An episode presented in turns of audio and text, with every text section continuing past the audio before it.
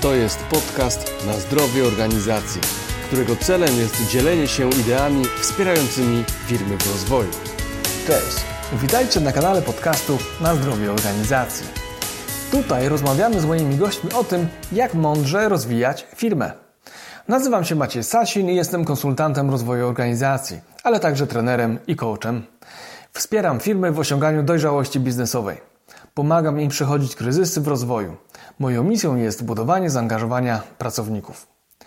Do podcastu zapraszam trenerów, konsultantów, menedżerów, właścicieli firm, czyli wszystkich tych, którzy mają doświadczenie w przełamywaniu ograniczeń, które towarzyszą rozwojowi każdej organizacji. Zapraszam do słuchania, obserwowania i komentowania. Macie Sasin.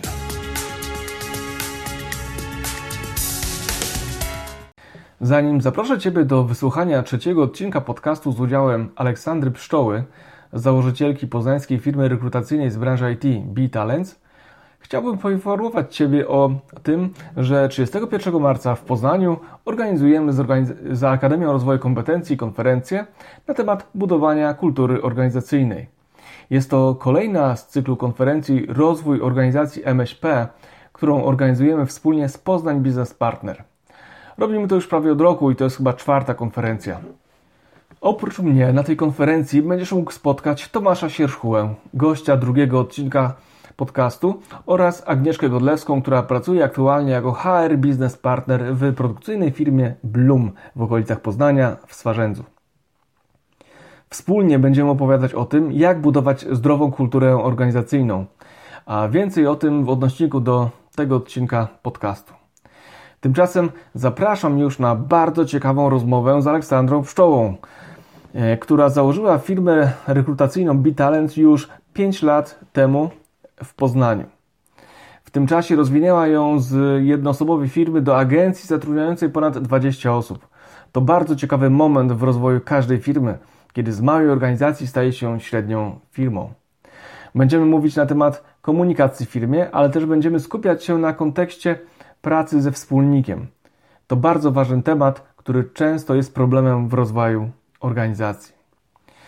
W trakcie tej rozmowy padną takie hasła jak wskaźniki, OKR-y, badanie zaangażowania, performance, spotkania zespołowe, rozstawanie się z pracownikiem, czyli wszystko to, co jest kluczowe dla budowania zdrowych organizacji.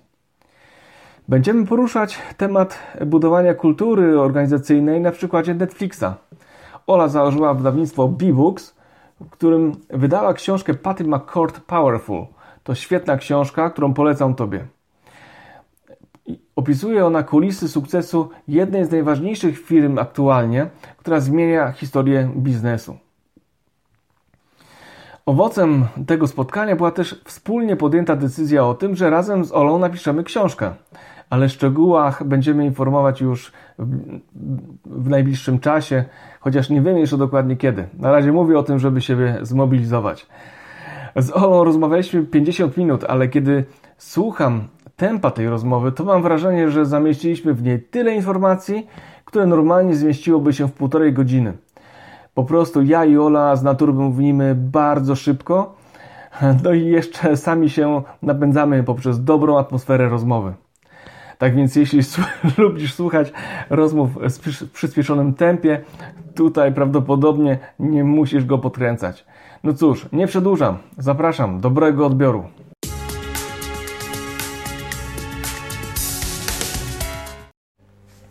Cześć Ola, witam Ciebie w podcaście na zdrowie organizacji. Cześć. E, Ola, powiedz na początek, czym się zajmujesz? Prowadzę Bitalents, firmę, która zajmuje się rekrutacją. W tym roku mija nam już 5 lat, także jesteśmy 5 lat na rynku IT.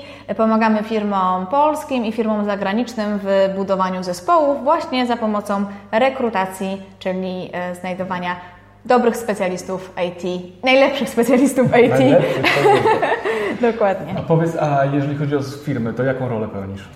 Jestem założycielem Bitalent i jestem współwłaścicielem. E, to znaczy. Jak dwie role. E, to znaczy tak, bo mówię o tym w taki sposób, dlatego że mam taką krótką historię na początek.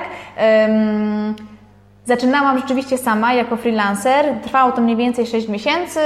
Po 6 miesiącach jakoś liczba zleceń na tyle była duża, że postanowiłam zatrudnić pierwszą osobę i dzisiaj ta osoba y, już od dwóch lat jest wspólnikiem, czyli mhm. Maciek Mazurek, o czym zawsze bardzo lubię powtarzać, bo to jest taka fajna historia, gdzie właściwie zaczynaliśmy tak naprawdę od y, no, jakichś tam wspólnych kilku projektów, a dzisiaj mamy zespół e, prawie 30-osobowy e, i, no i to jest taka bardzo duża wspólna praca. Wiesz co, to jest w ogóle ciekawy wątek, dlatego że wiele firm, w których e, gdzieś tam pracujemy, współpracujemy, no właśnie ma wspólników, czy no, są to na przykład bracia i jest to bardzo duży problem generalnie, tak? Mhm. Jeżeli się nie docierają. Oczywiście są tacy, którzy się dobrze docierają i są tacy, którzy no nie do końca. Tak. Jestem ciekaw właśnie, jak to było u Was. Czy były jakieś tarcia, czy po drodze się pojawiły jakieś kryzysy? Mam nadzieję, że o tym opowiesz, bo to jest jak najbardziej. Z, przyjem, z, przyjemnością, bo my jesteśmy, jest, jesteśmy takim przykładem e, wspólników, którzy się naprawdę dobrze uzupełniają i mówię to z takim, e, jakby nie z takich względów, nie wiem, wizerunkowych, tylko z takich bardzo pragmatycznych. To znaczy,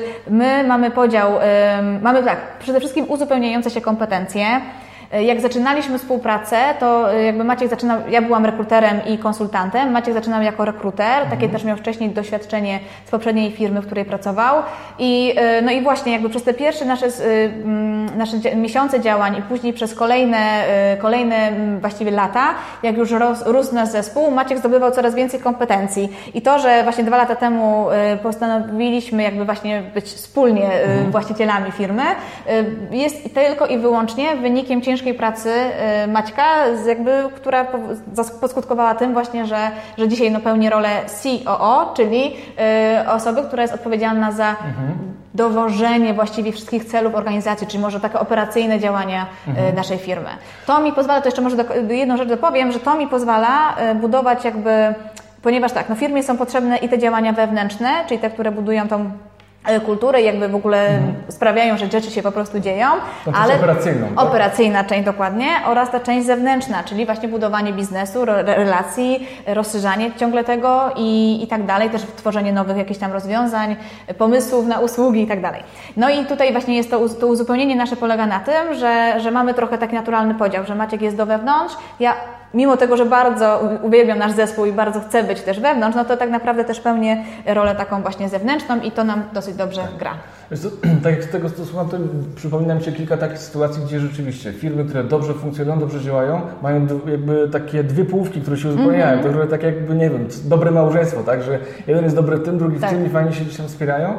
E, natomiast e, często bywa tak, może nie często, ale że jeżeli e, mamy dwóch właścicieli czy założycieli, którzy mają jakby no to, te same cechy charakteru, to nie prędzej czy później się mogą jakby rozejść, bo może dojść jakby do, między nimi do jakiejś takiej, nie wiem, walki o pewne rzeczy, które są fajne, niefajne, a te, które są może mniej fajne dla jednej osoby, no to są gdzieś tam wypychane, tak? I nikt się tak. nie zajmuje do końca. Wiesz, to jest, to jest na przykład też, ja, ja to też bardzo widzę, że każdy z nas ma swoje, powiedzmy, takie małe interesy i, i w pewnym sensie rzeczy, na których nam bardzo zależy. Mhm. I my te rzeczy, y, jakby potrafimy o te rzeczy zawalczyć, ale zazwyczaj to nie są te same rzeczy, w związku z czym my z Maćkiem w ogóle mamy bardzo mało konfliktów, właściwie nie mamy konfliktów, yy, natomiast mamy różnice, jakby różnimy się w pewnych, znaczy mamy różnice zdań, ale to nie, ale nie, nie doprowadzamy do konfliktowych sytuacji, takich, gdzie po prostu, nie wiem, cała firma widzi, że my tutaj jakoś ze sobą nie możemy się dogadać czy coś. Absolutnie nie. Yy, pewnie by trzeba zapytać zespołu, ale z tego, co ja yy, jakby czuję i to wydaje mi się, że po prostu mamy taką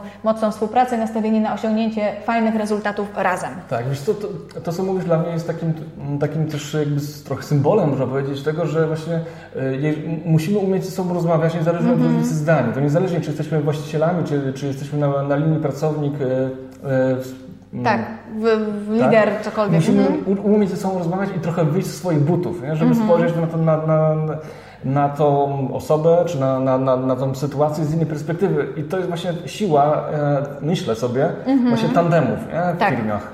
To znaczy to tak samo jest no w ogóle w działającym zespole nie, nie chodzi o to, żeby jakby zespół tylko i wyłącznie, nie wiem, wykonywał zadania, które ktoś tam sobie wymyśli.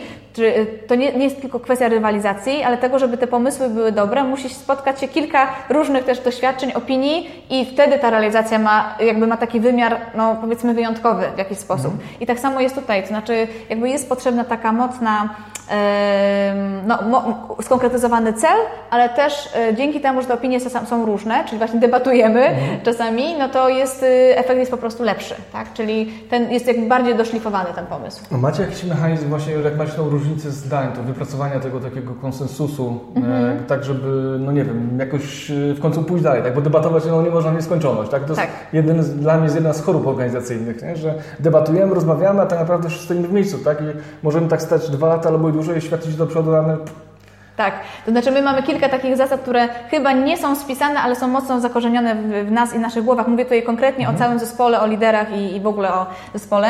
E, organizujemy spotkania, ale nie lubimy spotkań. W sensie jakby mamy, nie za bardzo lubimy mnożyć spotkania dla samego spotykania się, mhm. dlatego każde spotkanie jest konkretne. Najlepiej, jeżeli jest agenda przed i, i zawsze jest 90 powiedzmy procentach zawsze jest podsumowanie po tym mhm. spotkaniu.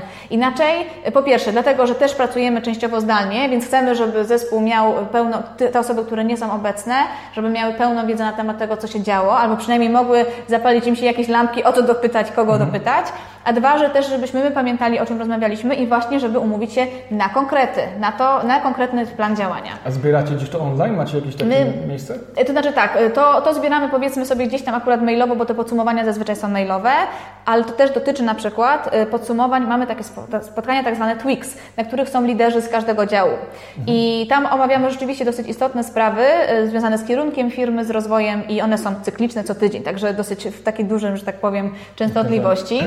Tak jest. Agile'owo, tak? Tak, agile'owo bardzo mocno. I tutaj na przykład, i też piszemy podsumowanie, które jest dla całego zespołu.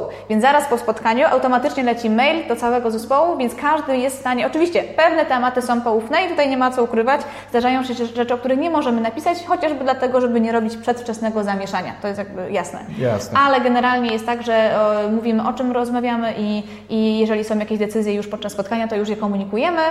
E, więc tak, więc staramy się po prostu minimalizować liczbę spotkań i zawsze sprawiać, żeby one były maksymalnie konkretne, mhm. dzięki czemu rzeczywiście udaje nam się w miarę to jakoś dowodzić. Mhm, super. A powiedz, no bo teraz przechodzimy już do tutaj istoty i mam nadzieję, że się nie wybije za bardzo tym pytaniem, ale powiedz, jaka jest Twoja prywatna, osobista, indywidualna definicja zdrowej organizacji? Mhm. Wiem, że jesteście propagatorem organizacji metod mhm. Lalu, którą Lalu pisał, czyli metod turkusowych w zarządzaniu. Ale pewnie macie swoją, swoją masz swoją jakąś tak. Ja, ja myślę, że, bo tak jak wspomniałeś, Lalu jest y, dosyć, to, jakby książka Lalu była dla mnie jakimś tam przełomem, może nie w sposobie myślenia o organizacji, ale w sposobie tego, że o, czyli jest dużo, tak, wiesz, nazwane jakby, tego, tak, tak, nazwane i już mniej więcej mogłam to sobie uporządkować, łatwiej też było pewne rzeczy mi przekazać, powiedzmy, zespołowi. Natomiast my nie mamy takiej, jak ja to mówię, takiego fan, fanatyzmu w sobie, że jakby tylko teraz jesteśmy turkusowi i wszystko, co turkusowe jest nasze, tylko raczej działamy w taki sposób, że wybieramy z różnych metod działania i z różnych jakby nie chcę powiedzieć ideologii, bo to już za duże słowo, ale generalnie z różnych metod. właśnie koncepcji, tak, tak, metod działania, po prostu to, co nam pasuje, to, co jakby do naszej kultury właśnie organizacyjnej jest y, adekwatne i tak na przykład właśnie z Radical Candor, kwestia feedbacku, dawania feedbacku, uczymy się tego cały czas, tak, y, to jest też kwestia no, mm, zmiany zespołu, zmiany y, funkcji w zespole i to też powoduje, że, że trzeba się tego cały czas uczyć na nowo. Właśnie kwestia turkusu, wybieramy z tego też to, co jest co dla nas wartościowe.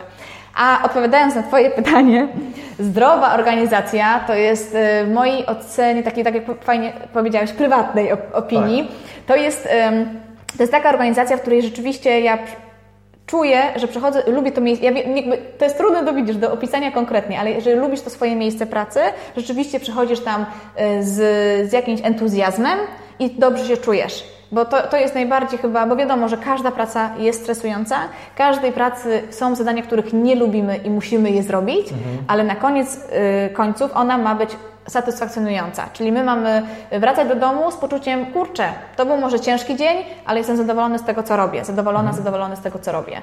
E, to też bardzo często widać na takim papierkiem lakmusowym są trochę spotkania towarzyskie po godzinach w różnych gdzieś tam właśnie z przyjaciółmi, ze znajomymi i widać, kto w jaki sposób opowiada o pracy. I bardzo łatwo wyczuć, czy ktoś już jest wypalony, czy jeszcze nie, czy lubi swoją pracę, czy, narzeka, bo powodów do narzekania zawsze można znaleźć tak. wiele. Powiedz, tą swoją definicję tam gdzieś też ją opierasz o jakieś e, wskaźniki. No bo prowadzisz mhm. firmę, no wiadomo, że z samej atmosfery fajnej firma nie tak. wyżyje. Tak. Nie? Jakby stan z takiej satysfakcji ludzi, z tego, że nawet mogą to lubić, no zawsze ten wynik też jest mhm. istotny. Jak, jak, jak tutaj na to patrzysz? Tak, no jest kilka, my rzeczywiście mierzymy tą organizację, y, kulturę organizacyjną, y, czy, czy powiedzmy taki to się ładnie po angielsku nazywa vibe, czy, czy, czy po prostu jesteśmy na dobrej drodze, czy nie. E, I to jest tak, że widzimy fluktuację. To znaczy, to nie jest jakby, nie ma chyba takiej organizacji, przynajmniej my taką nie jesteśmy, która jest zawsze na fali po prostu hype, e, na, na fali wzrostu i w ogóle wszyscy są super zadowoleni. Są kryzysy, trzeba je przełamywać. Trzeba nie? przełamywać. Śmieję się, że, że Gowork jest takim czasami miejscem, gdzie po prostu różne opinie można znaleźć i, i czasami te opinie są takie, e, raz mieliśmy taką opinię, ona, ona pewnie gdzieś tam wisi, że oni nie są naprawdę tacy uśmiechnięci jak na tych zdjęciach, nie? Ja mówię, no nie, naprawdę. Czasami my mamy... Czasami pracujemy. Czasami pracujemy, dokładnie. Więc, więc e, tak, więc... Prawda jest taka, że rzeczywiście ta organizacja um, się zmienia, ale najważniejsze jest to, że, bo trochę straciłam wątek właśnie, że... Zdrowie, zdrowie organizacji w kontekście wyników. Aha, wyników, jak mierzymy, tak, no właśnie. Mierzymy w ten sposób, tak, co do konkretów. Po pierwsze, mamy narzędzie, które mierzy nam to, czyli Office Vibe i tutaj y, Office Vibe to jest takie narzędzie, które zbiera za pomocą mikrofeedbacku informacji od zespołu, od każdego członka zespołu na temat tego, co się dzieje, jaki, jaki, jak się czuje w zespole. Tam są bardzo szczegółowe pytania, typu jaką masz relację z menadżerem, typu y, na, albo na przykład jaką masz powiedzmy nie wiem, czy czujesz się doceniony w swojej pracy, czy masz jasno wyznaczone cele, czy cele organizacji są y, dla Ciebie też jakby zrozumiałe.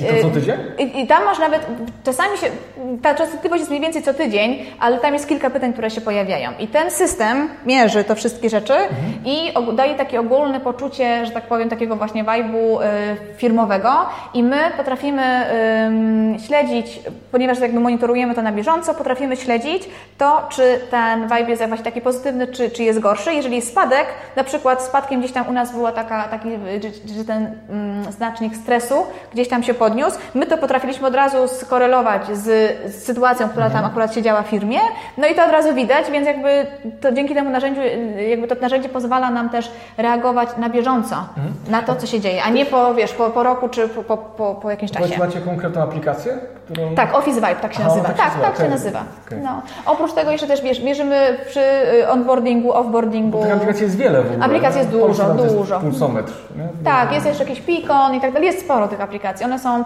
mniej więcej, ten schemat działania jest tak samo, tak. po prostu tam troszeczkę e, inne rzeczy. To takie badanie, mierzenie trochę zaangażowania, satysfakcji, kultury, atmosfery właściwie, tak. takie on, on, online, czyli to jakby coś, co kiedyś się robiło raz w roku i na wyniki się czekało trzy miesiące, Dokładnie. teraz można zrobić z tygodnia na tydzień nie? i właściwie można to fajnie zmodelować. To jest super. To my na przykład w ogóle nie robimy ocen rocznych, jakichś takich... Yy, bo raz, że to jest bardzo czasochłonne, a dwa, że to też y, no to do końca jest tak trudno ocenić. Staramy się nawet performance y, mierzyć po prostu regularnie, a do tego jeszcze używamy y, Office, znaczy OKR-ów jako, jako narzędzia do wyznaczania celów. One też nam trochę pomagają mierzyć to, czy te cele są zrealizowane. Jeżeli są zrealizowane, to wiadomo, że wszyscy są bardziej szczęśliwi. Czyli wy wchodzicie cały czas z termometrem pod pachą. No trochę tak, trochę tak jest. Ta temperatura jest dobra, czy trzeba tak. tą organizację trochę schłodzić, trzeba trochę Dokładnie. podgrzać, trochę Dokładnie. Dokładnie. Fajnie, fajnie, bo uważam, że wskaźniki właśnie właśnie są takim kluczowym jakby takim mm, pulsomierzem jakby tak. organizacji, te, o których mówisz. E, natomiast e, to, o czym też chciałem jakby powiedzieć, to jeżeli chodzi o ten system ocen okresowych, to jesteście w dobrym towarzystwie, tak? Bo z tego co wiem, to Deloitte chyba zrezygnował, e, Microsoft zrezygnował, Adobe, tak? Kiedyś mm -hmm. tam mhm. zrezygnowało. No w ogóle wiele firm od tego odchodzi. Ja sam uważam, Jestem zwolennikiem takiej książki Skądś z oceną okresową Samuela Kulberta, mm-hmm. gdzie on opisuje całą tą patologię związaną z sytuacją mm-hmm. z ocenami okresowymi, jakie one są bardzo takie na znaczy nie, nie, nie, niewymierne, nie, nie, też często nieuczciwe i w jedną i w drugą stronę.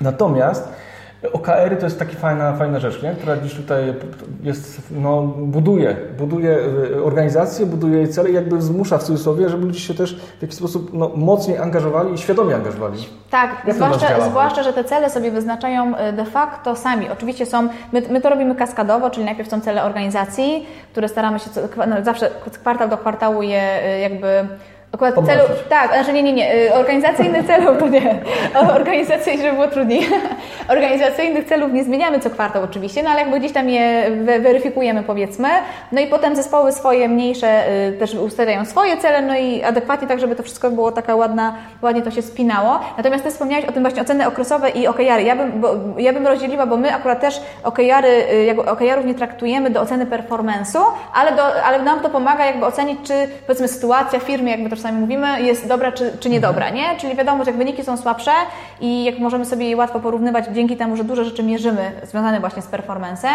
no to i patrzymy na, na to globalnie, to to nam pozwala po prostu uzyskiwać jakby wiedzę, ok, no to jesteśmy on track albo nie.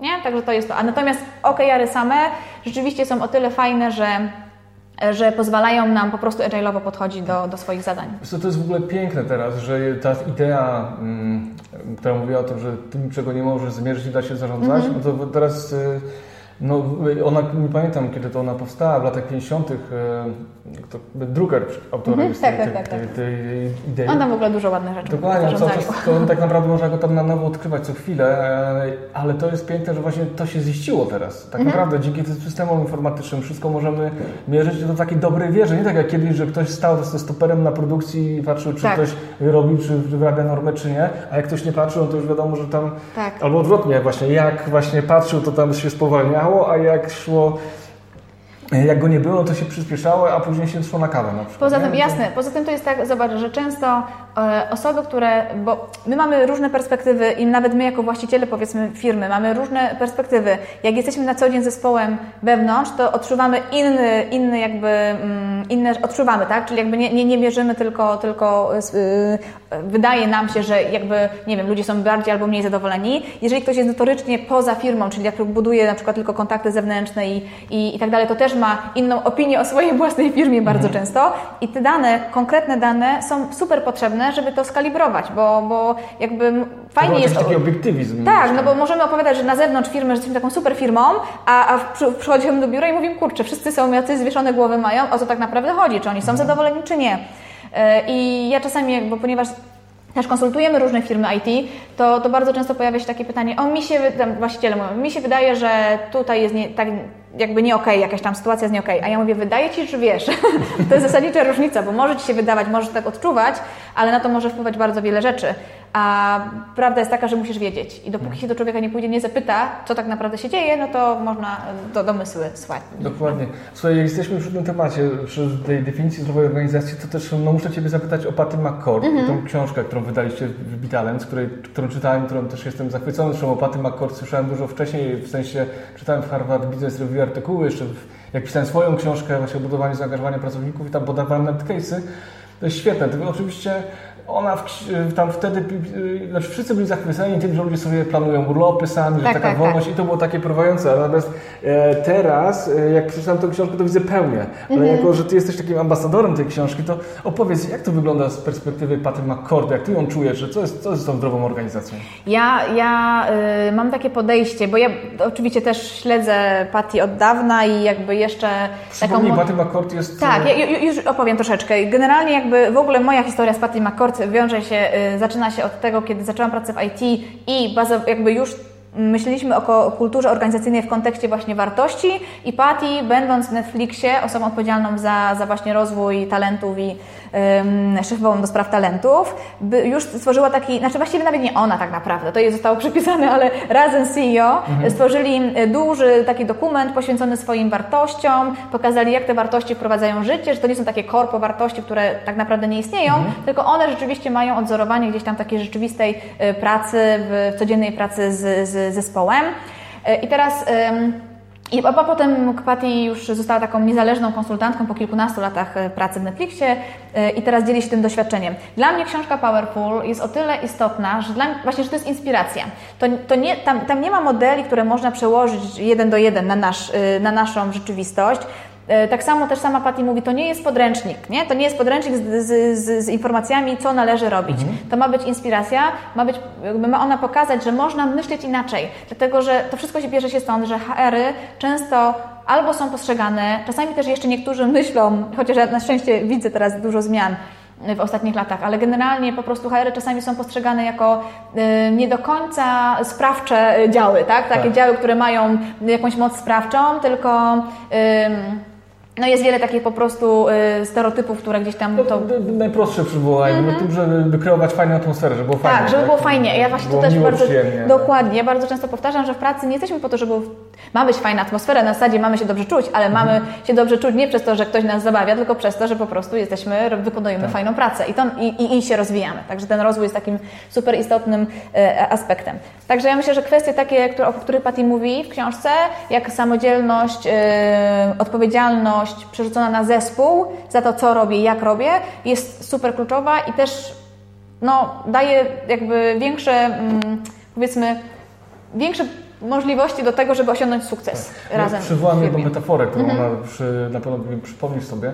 Chodziło o to, żeby traktować zespół tak. e, nie jako coś trwałego na zaraz, na zawsze, tak. tylko coś, co jest dobre na tym moment, ale jak, znaczy zdobyliśmy mistrzostwo ligi, tak. ale jeżeli chcemy zdobyć mistrzostwo świata, czy mistrzostwo, nie wiem, super, super ligi, tak, czy Ligi Mistrzów, to musimy innym zespołem zdobyć, więc jakby tak. musimy cały czas ten zespół porównywać do tego celu, znaczy tworzyć go pod kątem tego celu, który mamy. Jeżeli on został zrealizowany, stawiamy inny cel, to musimy albo ludzi też przyciągnąć z zewnątrz, mhm. no albo ewentualnie rozwinąć tych, którzy, nam, którzy mają w środku, wyłuskać tych, którzy ten cel nam zrealizują. Nie? Tak, dlatego ona mi się też bardzo, bardzo, bardzo to odpowiada, że e, właśnie porównuje e, zespół do drużyny sportowej, a nie do rodziny, bo mhm jakby nie ma nic złego w rodzinie, tylko problem jest taki, że drużyna sportowa ma konkretny cel i jakby e, nie zawsze wszyscy muszą się lubić, nie zawsze wszyscy muszą, że tak powiem, być super ze sobą blisko, tak. ale mają być efektywni i razem są właśnie efektywni, nie? Więc... A wiesz co, z tym się wiąże no, ta kultura tego feedbacku, tylko mm -hmm. ja mam taką wątpliwość, bo Rozmawiałem z Ingą Bilicką, która też niedługo zaproszę do podcastu,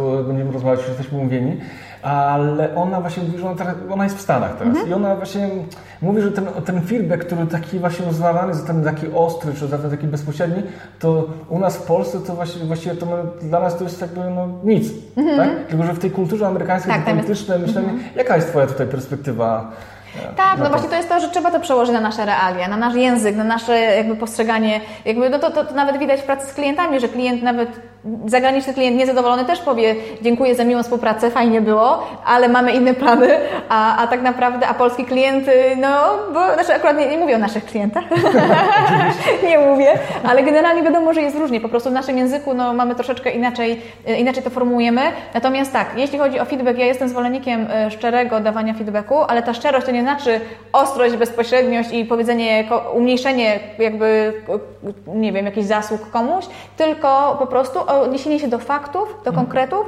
i do tego, co jest, no nie wiem, co, to, to chociażby przy, przy kwestii zwalniania, tak, czyli rozstawania się z kimś. To nie znaczy, nie że to musi być. Nie? Tak, tak. To, I to też nie znaczy, że to, to, to, to, samo rozstanie ma być, nie wiem, jakieś, no to może być powiedz, trudna sytuacja, ale ona wcale nie musi być um, jakby beznadziejna, na zasadzie, która się kończy czaskaniem drzwiami. To mi się przypomina właśnie, to chyba tego przykładu nawet nie było w książce, ale z tego artykułu go pamiętam. Mhm. Tam była jakaś taka dyrektor finansowa, który mhm w pewnym momencie skończyły się kompetencje mhm. i, i, już do rozwoju, już na tym etapie rozwoju firmy już ona tak. była w cudzysłowie nieprzydatna. Mhm.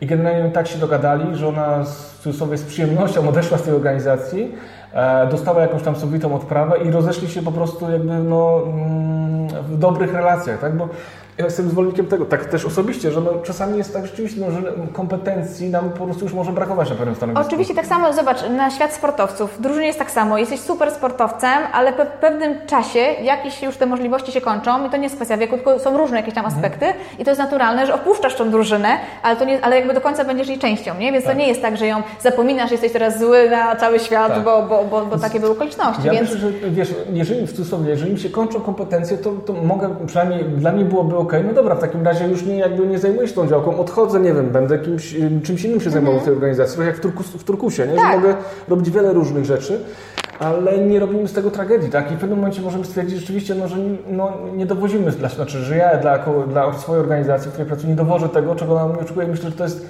fajnie to jest fair. Nie? Tak, bo to nigdy nie ma jednego rozwiązania. To znaczy, to nie jest zawsze tak, że zostawiamy kogoś na lodzie. Czasami można komuś pomóc jeszcze, czasami jest tak, że wystarczy skontaktować tą osobę z inną y, organizacją i to, co na przykład, to, to na przykład, jeżeli taka sytuacja, że u nas to się nie sprawdzi jako team leader, mhm. może być świetnym tak. team leaderem w innej organizacji, bo będzie lepiej pasował do, do tamtej kultury organizacyjnej i to jest ok. Tak, ja pamiętam już taką historię z, z, tam, z pracy, w której ja byłem na etacie. Ja pamiętam, dyrektor opowiadał, no był problem z człowiekiem na, na myjni pracował mhm. na myjni. Tak? I, no bo generalnie widać, że był przemęczony, że nie czyścił dobrze i tak mhm. dalej. Co się okazało? Okazało się, że on e, też zaczął rozkręcać swoją firmę ogrody, Aha. budować. No i tam z tym e, dyrektorem, ten dyrektor zauważył to, a że oni się też znali tak nie tylko jakby na, na zasadzie e, no, ten dyrektor traktował wszystkich po partnersku. Mm -hmm, e, mimo, że był no, trzy szczeble wyżej, tak? No, to jest, wiesz, no nie każdy z Mikowym chce rozmawiać, nie? Jakby, fajni ludzie zresztą Pozdrawiam wszystkich, których poznałem w poprzedniej firmie. E, o czym chciałem powiedzieć? O tym właśnie, że on wziął go na rozmowę, słuchaj, mówi, weź, idź, e, albo, albo rób jedno dobrze u nas, albo idź i po prostu rób, rób firmę. Nie? Mm -hmm. I później jeszcze mu zrobił ogród temu no, dyrektora, jako ten dyrektor stał się klientem i tą firmę rozwinął, tak? Mm -hmm. Mimo, że e, no i można się rozstać, tylko trzeba otwarcie, myślę, rozmawiać też o pewnych rzeczach właśnie w kontekście tego feedbacku. Ja zawsze polecam szczerość.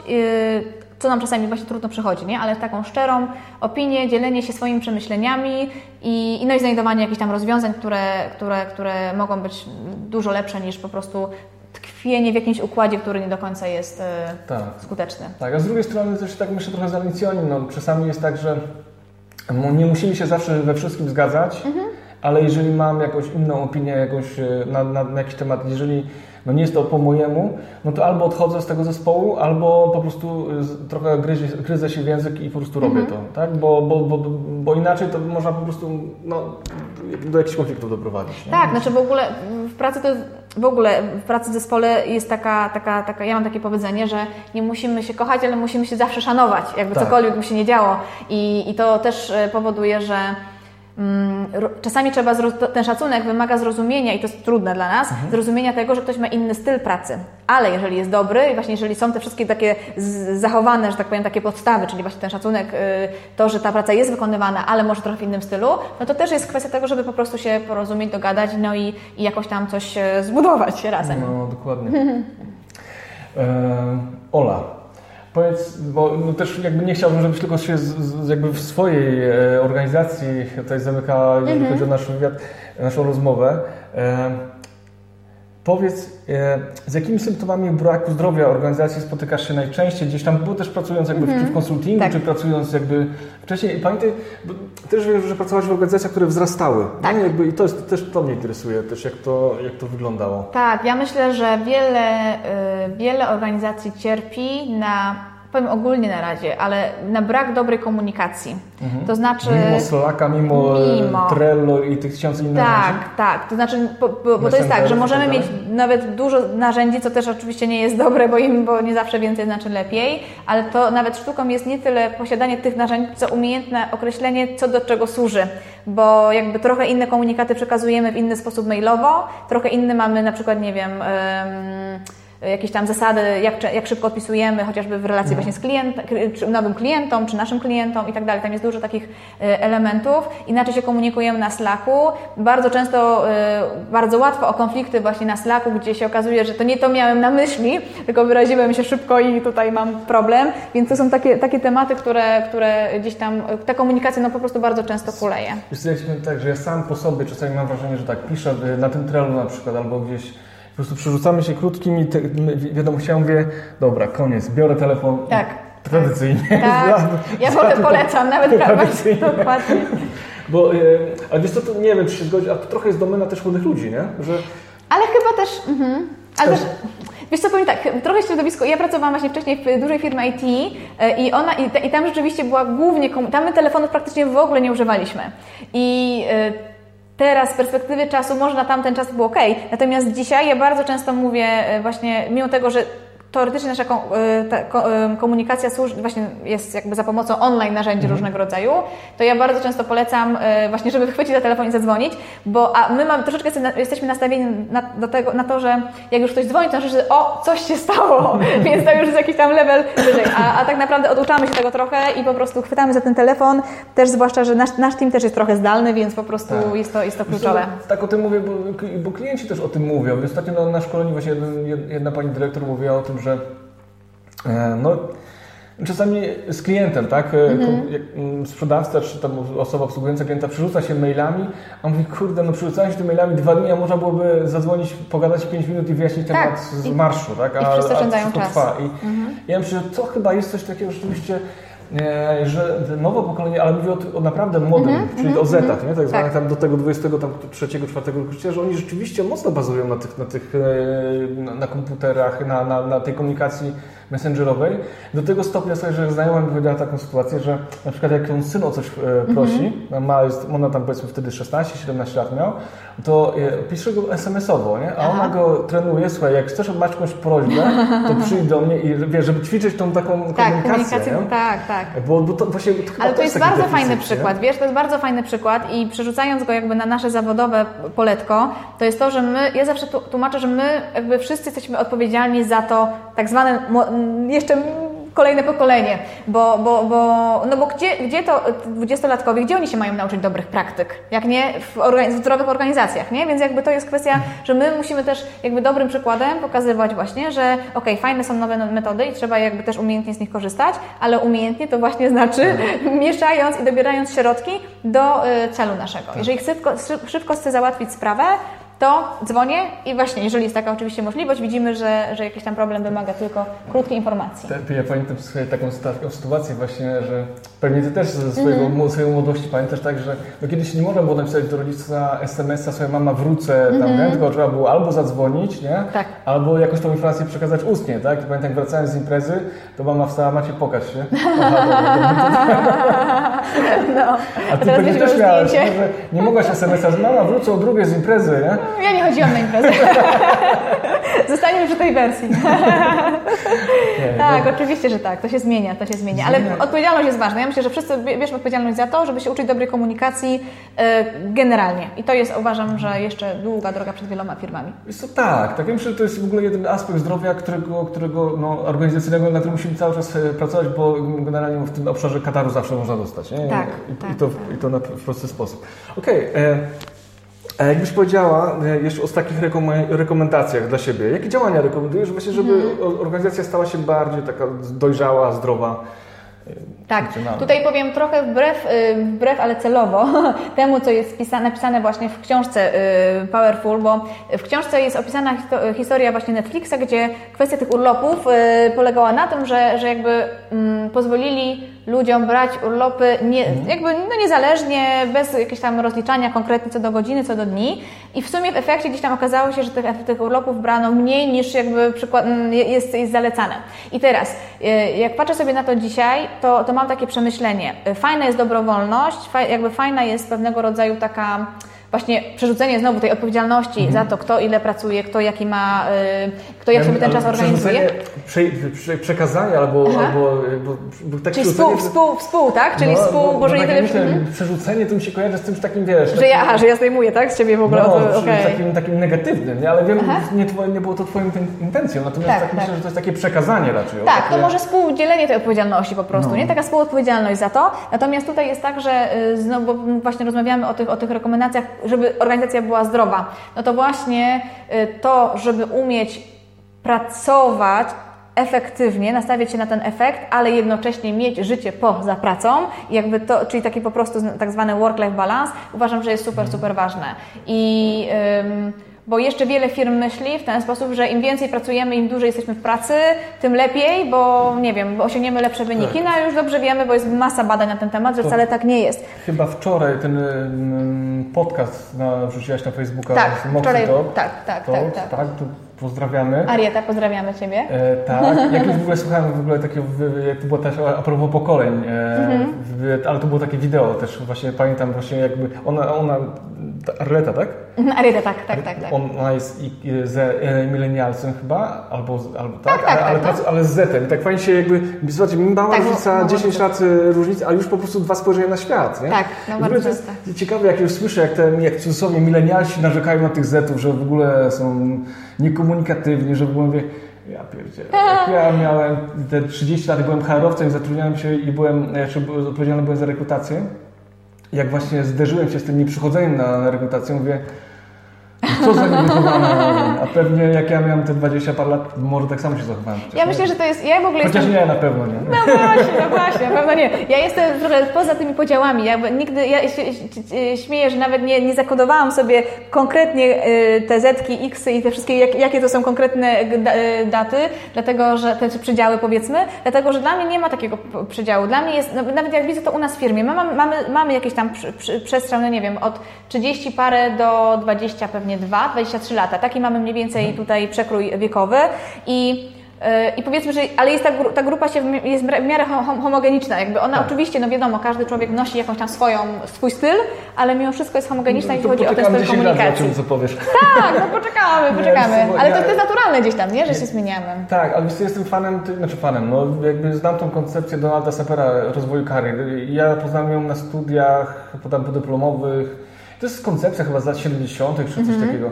I ona dokładnie jakby pokazuje, dzieli też fazy rozwoju zawodowego właśnie na te takie, No właśnie. na te pokolenia, takie niezależnie. Ja dzisiaj jestem X, A to nawet w życiu tak jest, prawda? Za, za 10 lat będę baby boomer, tak? O, No wiesz, ja z kolei, dwa- jak miałam, nie wiem, no tam powiedzmy 10 lat temu, czy może zupełnie nie myślałam o, no 3 lata temu, nie myślałam o takich rzeczach życiowych, które, my- o których Tak. teraz myślę, to jest naturalne, że się zmieniamy, a wraz z doświadczeniem zawodowym, którego, które nabieramy, ilością tych doświadczeń, różnych, różnych takich z interakcji, po prostu stajemy, jakby się zmieniamy. Tak samo, jak zmieniają się organizacje, my teraz właśnie, tak jak wspomniałam na początku, mamy 5 lat jako Bitalens i jesteśmy zupełnie inną firmą i nie tylko, że jakby pod kątem wzrostu y, liczby y, osób w zespole, ale w ogóle pod kątem gdzieś tam mentalnym, umiejętności ułożenia tego biznesu, no, a jeszcze wiem, że wiele przed nami, czyli wiele jeszcze nie wiemy. Przesz- Przeszliście taką fazę dynamicznego rozwoju i teraz jesteście w takiej fazie, albo już ją przeszliście fazę dojrzewania, nie? ale jak już tego co mówisz, no to już jesteście w tej fazie dojrzewania, jak wszystko macie pomierzone, macie wskaźniki i tak dalej, no to można powiedzieć, że to jest szybki, tak? bo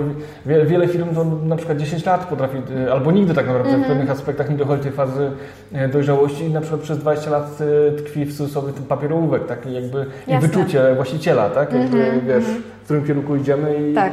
E, Ale chociaż te czasy są już niestety, ale już mijają, że tak się nie da, nie? Że dzisiaj y, chyba też słuchałem jakiegoś podcastu i, i właśnie mm, rano i no właśnie założyciel firmy, która 30 lat właśnie funkcjonowała na, na rynku w producent czekolady, za- za- zapytany, no jak teraz, a jak kiedyś zakładało się biznes, to mówi, że kiedyś to było zupełnie inaczej, było dużo łatwiej, wbrew pozorom, a teraz jest bardzo trudno, bo jest, y, no naprawdę trzeba dużo zainwestować e, Na początku. na początku, tak? Że, że, że jakby nie da się już od zera zacząć, tak, tak bez żadnego No to jest kapitału. też kwestia percepcji bardzo często, bo gdybyś I mnie zapytał, pewnie, nie? tak, ale gdybyś mnie zapytał, Ola, czy dzisiaj, y, gdybym pracowała na etacie dzisiaj, to założyłabyś taką samą firmę, to ja bym Ci powiedziała, że pewnie nie, w tym sensie, że wiesz, że to jest moment, ja byłam w takim momencie, że, że, że to, nie, nie chcę powiedzieć, że poszłam na żywioł, ale w jaki sposób to się organicznie rozwija i, fir- i jak się spotkamy, nie wiem, za 5 lat, to też pewnie fir- ja będę w innym miejscu, czy my Tak. jako firma, firma, mam nadzieję też, będziemy w innym miejscu, w związku z czym też, wiesz, to po prostu się naturalnie gdzieś tam organicznie rozwija i, i, i te decyzje są czasami, muszą być podejmowane czasami spontanicznie i oby dobre rzeczy z nich wychodziły. No, dokładnie, znaczy, to, niestety, organizacja to jest trochę jak człowiek, ona się rozwija, ona się starzeje i teraz jeżeli nie będziemy e, jakby zmieniać się wraz z, z trendami, z oczekiwaniami klientów, to prędzej czy później po prostu wypadniemy z rynku i tyle. Czego Tobie i sobie Nie życzymy. Dokładnie. Okej, a powiedz, e, koszty braku takiej zdrowej organizacji, jakbyś tak Oj, zaobserwował, to bardzo, to, to, to już można w setkach tysięcy złotych liczyć, bo już jeżeli mówimy tak zupełnie poważnie, biznesowo, dlatego że y, y, właśnie rynek IT jest świetnym takim polem powiedzmy doświadczalnym, dlatego że tu- jest to rynek pracownika, jest duża rotacja. I jeżeli y, i bardzo łatwo jest podjąć decyzję o zmianie pracy, w związku z czym jeżeli taki, taka firma y, ma dużo braków właśnie takich pod kątem kultury organizacyjnej, y, właśnie komunikacji, brak szacunku do siebie nawzajem, no dużo, dużo elementów, no to wtedy ta rotacja się pojawia. A rotacja to, za, to nie tylko koszt wdrożenia, ale zatrudnienia, czas, Tak. Liczyłaś brak siebie, liczby. to? Wiesz co, my akurat... Nietrafiona rekrutacja, bo na przykład po pół roku zwalniasz pracownika? Liczyliśmy, tak, liczyliśmy. Nie, nie, są takie oczywiście, mamy to gdzieś tam przeliczone. No to, to, no to wiesz, to łatwo przeliczyć po prostu ile No ktoś... łatwo, to są tak, no to jest, to tysięcy jest, złotych, Tak, nie? tak, tak. A już to jak, jest- jak, nie, chyba w zależności od tego, ile kto zarabia, tak? No, załóżmy, że nietrafiony programista, który nas kosztuje 10 tysięcy, no to oprócz tego, że przez te pół roku to jest 60 tysięcy plus utracone możliwości, plus i tak dalej, to się pewnie jest tak z 200 tysięcy, można No, byłoby tak to, policzyć. tak, tak, tak. No plus musisz nową rekrutację zrobić, która też kosztuje i tak dalej. No to jeszcze, wiesz, tam trzeba dodać wszystkie koszty pracy, nie? Jakby- Tak, tak. Ja pamiętam, liczyłem, no to ze drzwi oczywiście, ale Mhm. liczyłem e, tak konkretnie w, jeszcze jak pracowałem właśnie na przykładzie doradcy serwisowego, to nam wtedy wychodziło po pół roku jakieś 3, a to było dobre 8 lat więcej, liczyłem z 12 lat temu, Mhm. to nam wychodziło na tamte czasy 36-40 tysięcy, jakoś tak Mhm. jak pamiętam. Nie? No to, to, to wydaje się, że, a wiesz, od 12 lat temu zupełnie tak, zarobki. Nie? Oczywiście, jest- oczywiście. Tak, wracając jeszcze do tej zdrowej organizacji, to do tych, ko- znaczy do tych Kosztów. kosztów, tak, tak, tak, to, to też jest tak trochę, że em, no właśnie, to jest trochę tak, że jakby wracając do tych kosztów, to jest tak, że e, jeżeli my czasami myślimy o tej organizacji, myślimy w ten sposób, jestem powiedzmy, nie wiem, młodym founderem, chcę stworzyć sobie jakąś tam firmę i bardzo skupiam się na tym, żeby w ogóle ten biznes zarabiał, żeby mieć klientów i tworzę sobie, nie wiem, buduję sobie jakiś tam zespół. No i Często zdarza się, że przez te pierwsze jakieś tam kilka powiedzmy lat budujemy sobie ten zespół, na, naparzamy, naparzamy, czyli właśnie nie dbamy o tą kulturę Mhm. organizacyjną i dużo pracujemy, y, wszystko jakby Sprzedaż, też sprzedaż, y, sprzedaż, tak, realizacja, ciśniemy na tak. maksa, jest takie właśnie mocne, mocne dążenie do tego, żeby tylko osiągać jak najszybciej cele I wzrosty. i wzrosty i czasami mamy też presję inwestora i to wszystko się kumuluje i na koniec po jakimś tam czasie y, okazuje się, że kurczę, chyba nie jesteśmy zadowoleni w ogóle z tego, co mamy i to nie powinno tak wyglądać. No i dlatego właśnie jak już y, rozmawiam z dużymi y, firmami, z takimi dojrzał, dojrzałymi firmami y, i też bardzo często na konferencjach podczas prelekcji Duży, właściciele dużych firm powtarzają, że wszystko dobrze, wszystko fajnie, ale kultura organizacyjna to jest ten moment, kiedy że to jest coś, o co, o co nie można dbać za późno. Jakby nie można się później zorientować. Trzeba od początku wprowadzać dobre nawyki Dokładnie. i budować, ja zawsze mówię, praca od bazy tlenową, czyli Tak. fundamenty, a potem cała reszta wyjdzie. Dokładnie. Bo jeżeli my jesteśmy zadowoleni, zdrowi, to, to, to reszta wychodzi, nie? Tak. Dostałem te, na, te, na te nasze konferencje Mhm. takie pytanie właśnie, może dostać to samo. E, Od tej, od tej osoby może nawet, że no co, mamy teraz taką, e, nam się bardzo mocno roz, rozwinęła organizacja, e, tak z 40 chyba do 100 osób i wcześniej było fajnie, a teraz już nie jest fajnie. Mhm. Tak. Nie? I już jakby nie potrafimy, jak zachować sobie tego ducha wcześniejszego, nie? No, to też jest w ogóle taki mit, który krąży, że bardzo często powtarzane jest, że nasza organizacja rośnie, ale my się nie zmieniamy. Kultura Tak. się nie zmienia, jakby no to, to jest niemożliwe. To tak jakby się, jak rozmawialiśmy wcześniej o, o, o nas, o, o- ludziach, którzy siłą rzeczy się po prostu zmieniają i tak samo organizacje się zmieniają i właśnie mówienie o tym, że tak, my jako organizacja mamy na przykład cel, żeby urosnąć powiedzmy o jakiś tam procent, zwiększyć przychody, zwiększyć liczbę ludzi, w związku z czym przygotujcie się wy zespole, przygotuj się ty zespole na to, żeby po prostu, że będziemy też się zmieniać i to Więc ja tak jak Ty jestem fanem Mhm. budowania procesów jakby od początku już taką świadomego i rozwijać się wolniej, ale świadomie Tak. i, i człowiek chce- i jakby rozkwitać później niż wcześniej, bo po prostu jak się człowiek jest niedojrzały, to ma trochę e, czy człowiek, czy firma jest niedojrzała, no to później no, może tego, tego okresu dojrzałości nie przeskoczyć wyżej. tak, nie? większy Jakby- potencjał na błędy, nie? Dokładnie. I teraz y, y, y, no to jest problem. No Jakby w- taki, takiego szybkiego rozwoju to Adiz, taki mm, jakby teoretyk, ale jednocześnie praktyk właśnie rozwoju orga- organizacji mówi, że to jest taka faza dawaj, dawaj, nie? że trzeba szybko sprzedawać, zadowalać inwestorów, trzeba, Tak. ale też wydawać kasę, żeby- bo, no bo musi być wzrost, wzrost, wzrost i nie ma czasu na fundamenty, tak? Tak. I, i us- u- układanie procesów. I teraz jeżeli się człowiek na chwilę nie zatrzyma, nie, spo, Tak. nie zwolni, nie poukłada tego, no to niestety e, firmy nie rozwinie, albo po prostu w jakiś, za jakiś czas po prostu z jakichś powodów upadnie nawet, albo się zatrzyma w rozwoju i cofnie się. Tak, ja, ja z kolei pracowałam, jakby tworzyłam swoje startupy jeszcze dawniej, dawno, da- tam 10 lat temu powiedzmy, 8 może lat temu, to, to nauczyliśmy się jednej ważnej rzeczy, to były moje takie początki powiedzmy w tej branży i to nauczyłam się takiej ważnej rzeczy, że jeżeli inwestor chce zainwestować, to on naprawdę inwestuje w ludzi i to jest takie bardzo, bardzo, bardzo e, dosłowne, że ludzi, którzy mają potencjał na zbudowanie czegoś fajnego. Bo mhm. jeżeli ten projekt nie wyjdzie, to wie, że te pieniądze, które, ty jako inwestor, które włożyłeś, są w stanie jakby no spivotować, zrobić jakiś inny e, model biznesowy, wiesz, jest, po prostu jest w stanie jakby wyciągnąć potencjał również z tej, z tej kasy, którą dostanie. Także zawsze się inwestuje w ludzi i ja naprawdę bardzo w to wierzę, że że podstawa to jest właśnie kultura organizacyjna po to, mhm. że jeżeli tu jest zdrowo, to i klienci to widzą. Tak. I klienci chcą pracować z firmami, które są właśnie fajne, tak? Czyli właśnie tak. mają zdrową, zdrowe relacje w zespole. A ja mam taką mhm. anegdotę jeszcze, króciutko mhm. powiem. Ostatnio byłam w banku e, załatwić jakąś taką, ale nie w naszym banku, który nas obsługuje, tylko w takim innym, e, dowiedzieć się, pozyskać jakąś tam informację. I dosłownie wchodzę do banku, pan jeden przekierowuje mnie do starszego swojego kolegi, pan wyszedł, ten, ten, ten, jakby ten, który mnie przekierował, a, i, i ten mnie pan zapytał, a pani w jakiej sprawie? Ja mówię, w takiej i takiej. A on mówi, co za dureń. I ja mówię, o tu, i aż się ugotowałam, bo już moja harowa dusza chciała tutaj powiedzieć, że jeżeli pan jest niezadowolony z relacji z kolegą, to proszę to wyjaśnijcie poza w ogóle klientem. Tak. Ale ja jako klient usłyszałam coś takiego i po prostu mówię, to nie jest, to nie jest zdrowe tak. środowisko. Od razu wiesz, od razu mi się włącza właśnie, to nie jest zdrowe środowisko pracy. Przynajmniej tak. ten oddział. Tak, tak, tak. Ja no, takie, takie przygody też miałem. Czasami wszedłem do, do, do, do na tej jako tajemniczy klient wtedy w salonie samochodowym mm -hmm. i pytam się tam, wypytuję o, o, o samochód, a ten koleś mówi do mnie, ten sprzedawca, te barany z tej centrali, nie? Mówię, aha. aha. Książka w domu potem, mówię, okej, okay, Już Dokładnie. widać, jakie są też jakby relacje nastawione, no chociaż no wiadomo, tam między centralą a oddziałami zawsze jest kosa, nie? Tak, ale mimo wszystko to właśnie, to da się, to, da się to zrobić, podejście, tylko tak, podejście. Można o tym wiedzieć, może, może być problem, ale tego nie nazywać i nie, nie przekazywać tego na klienta. Jest jakaś też etykieta, nie? Jakby te, właśnie te zasady jakiejś pracy, to, no. też, to też o to warto dbać. No właśnie, słuchaj, e, Powiedz jeszcze, jakbyś miała jako taka właśnie doświadczona już bizneswoman, można no, powiedzieć, bez nie? przesady. No, dobra, założyciel, jako założycielka kilku tak startupów i, tak. i prężnie rozwijających się organizacji, jakbyś miała dać kilka e, porad właścicielom firm, podzielić się swoim doświadczeniem, takie dwie, trzy rady, to co byś, tak. co byś przekazała?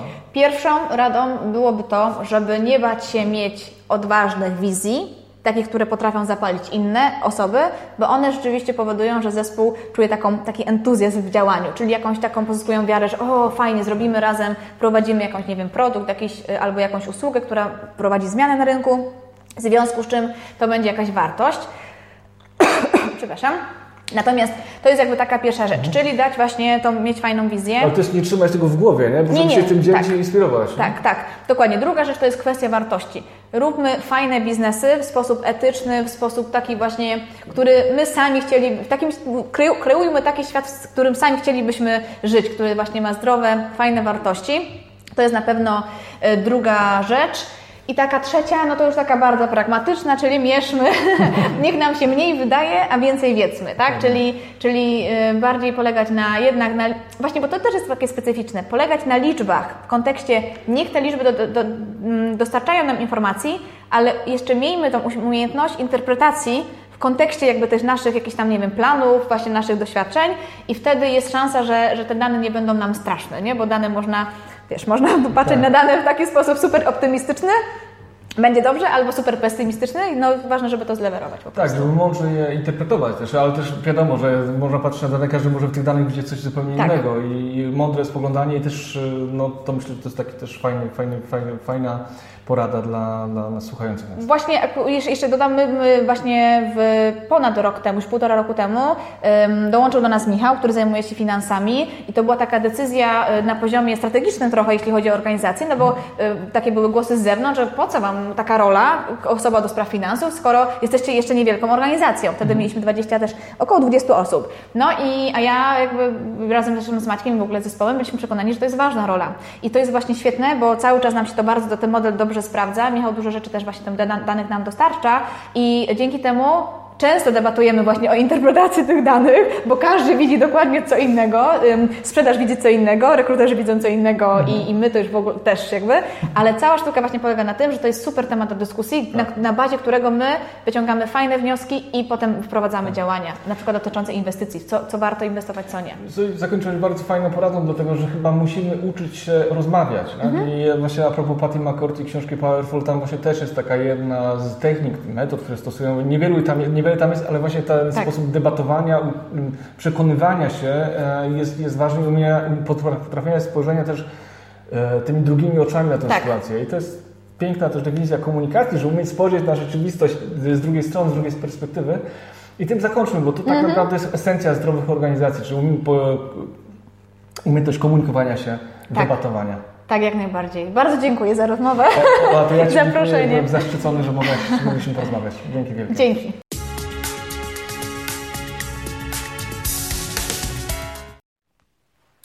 Dziękuję za odsłuchanie trzeciego odcinka podcastu Na zdrowie organizacji. Mam nadzieję, że treści, które tutaj przedstawiamy wraz z moimi gośćmi, są dla Ciebie interesujące i będą inspiracją do dalszego rozwoju. Nie zwalniam tempa i następnym razem będę rozmawiał tutaj w podcaście z psychologiem Zbigniewem Heringiem. Z nim rozmawialiśmy o perspektywie psychologicznej w budowaniu zdrowych organizacji. Poruszyliśmy wiele ciekawych wątków i mam nadzieję, że odsłuchasz e, i ten odcinek podcastu. Zbyszek jest osobą, która ma bardzo bogate doświadczenie życiowe i naprawdę kawał życia zawodowego spędził w organizacjach, więc naprawdę warto go posłuchać. Mam nadzieję też, że zasubskrybujesz ten podcast i podzielisz się dobrym komentarzem w, dobrym dla Ciebie miejscu, tam gdzie jego słuchasz. Powiadam też znajomych o tym podcaście, być może ich zainteresuje. Tymczasem jeszcze raz zapraszam na konferencję 31 marca w Poznaniu, która skierowana jest do właścicieli firm oraz HR z polskich MŚP. Będzie tam okazja do spotkania się i zainspirowania do działania. Na zdrowie organizacji. Do usłyszenia. Maciej Sasin.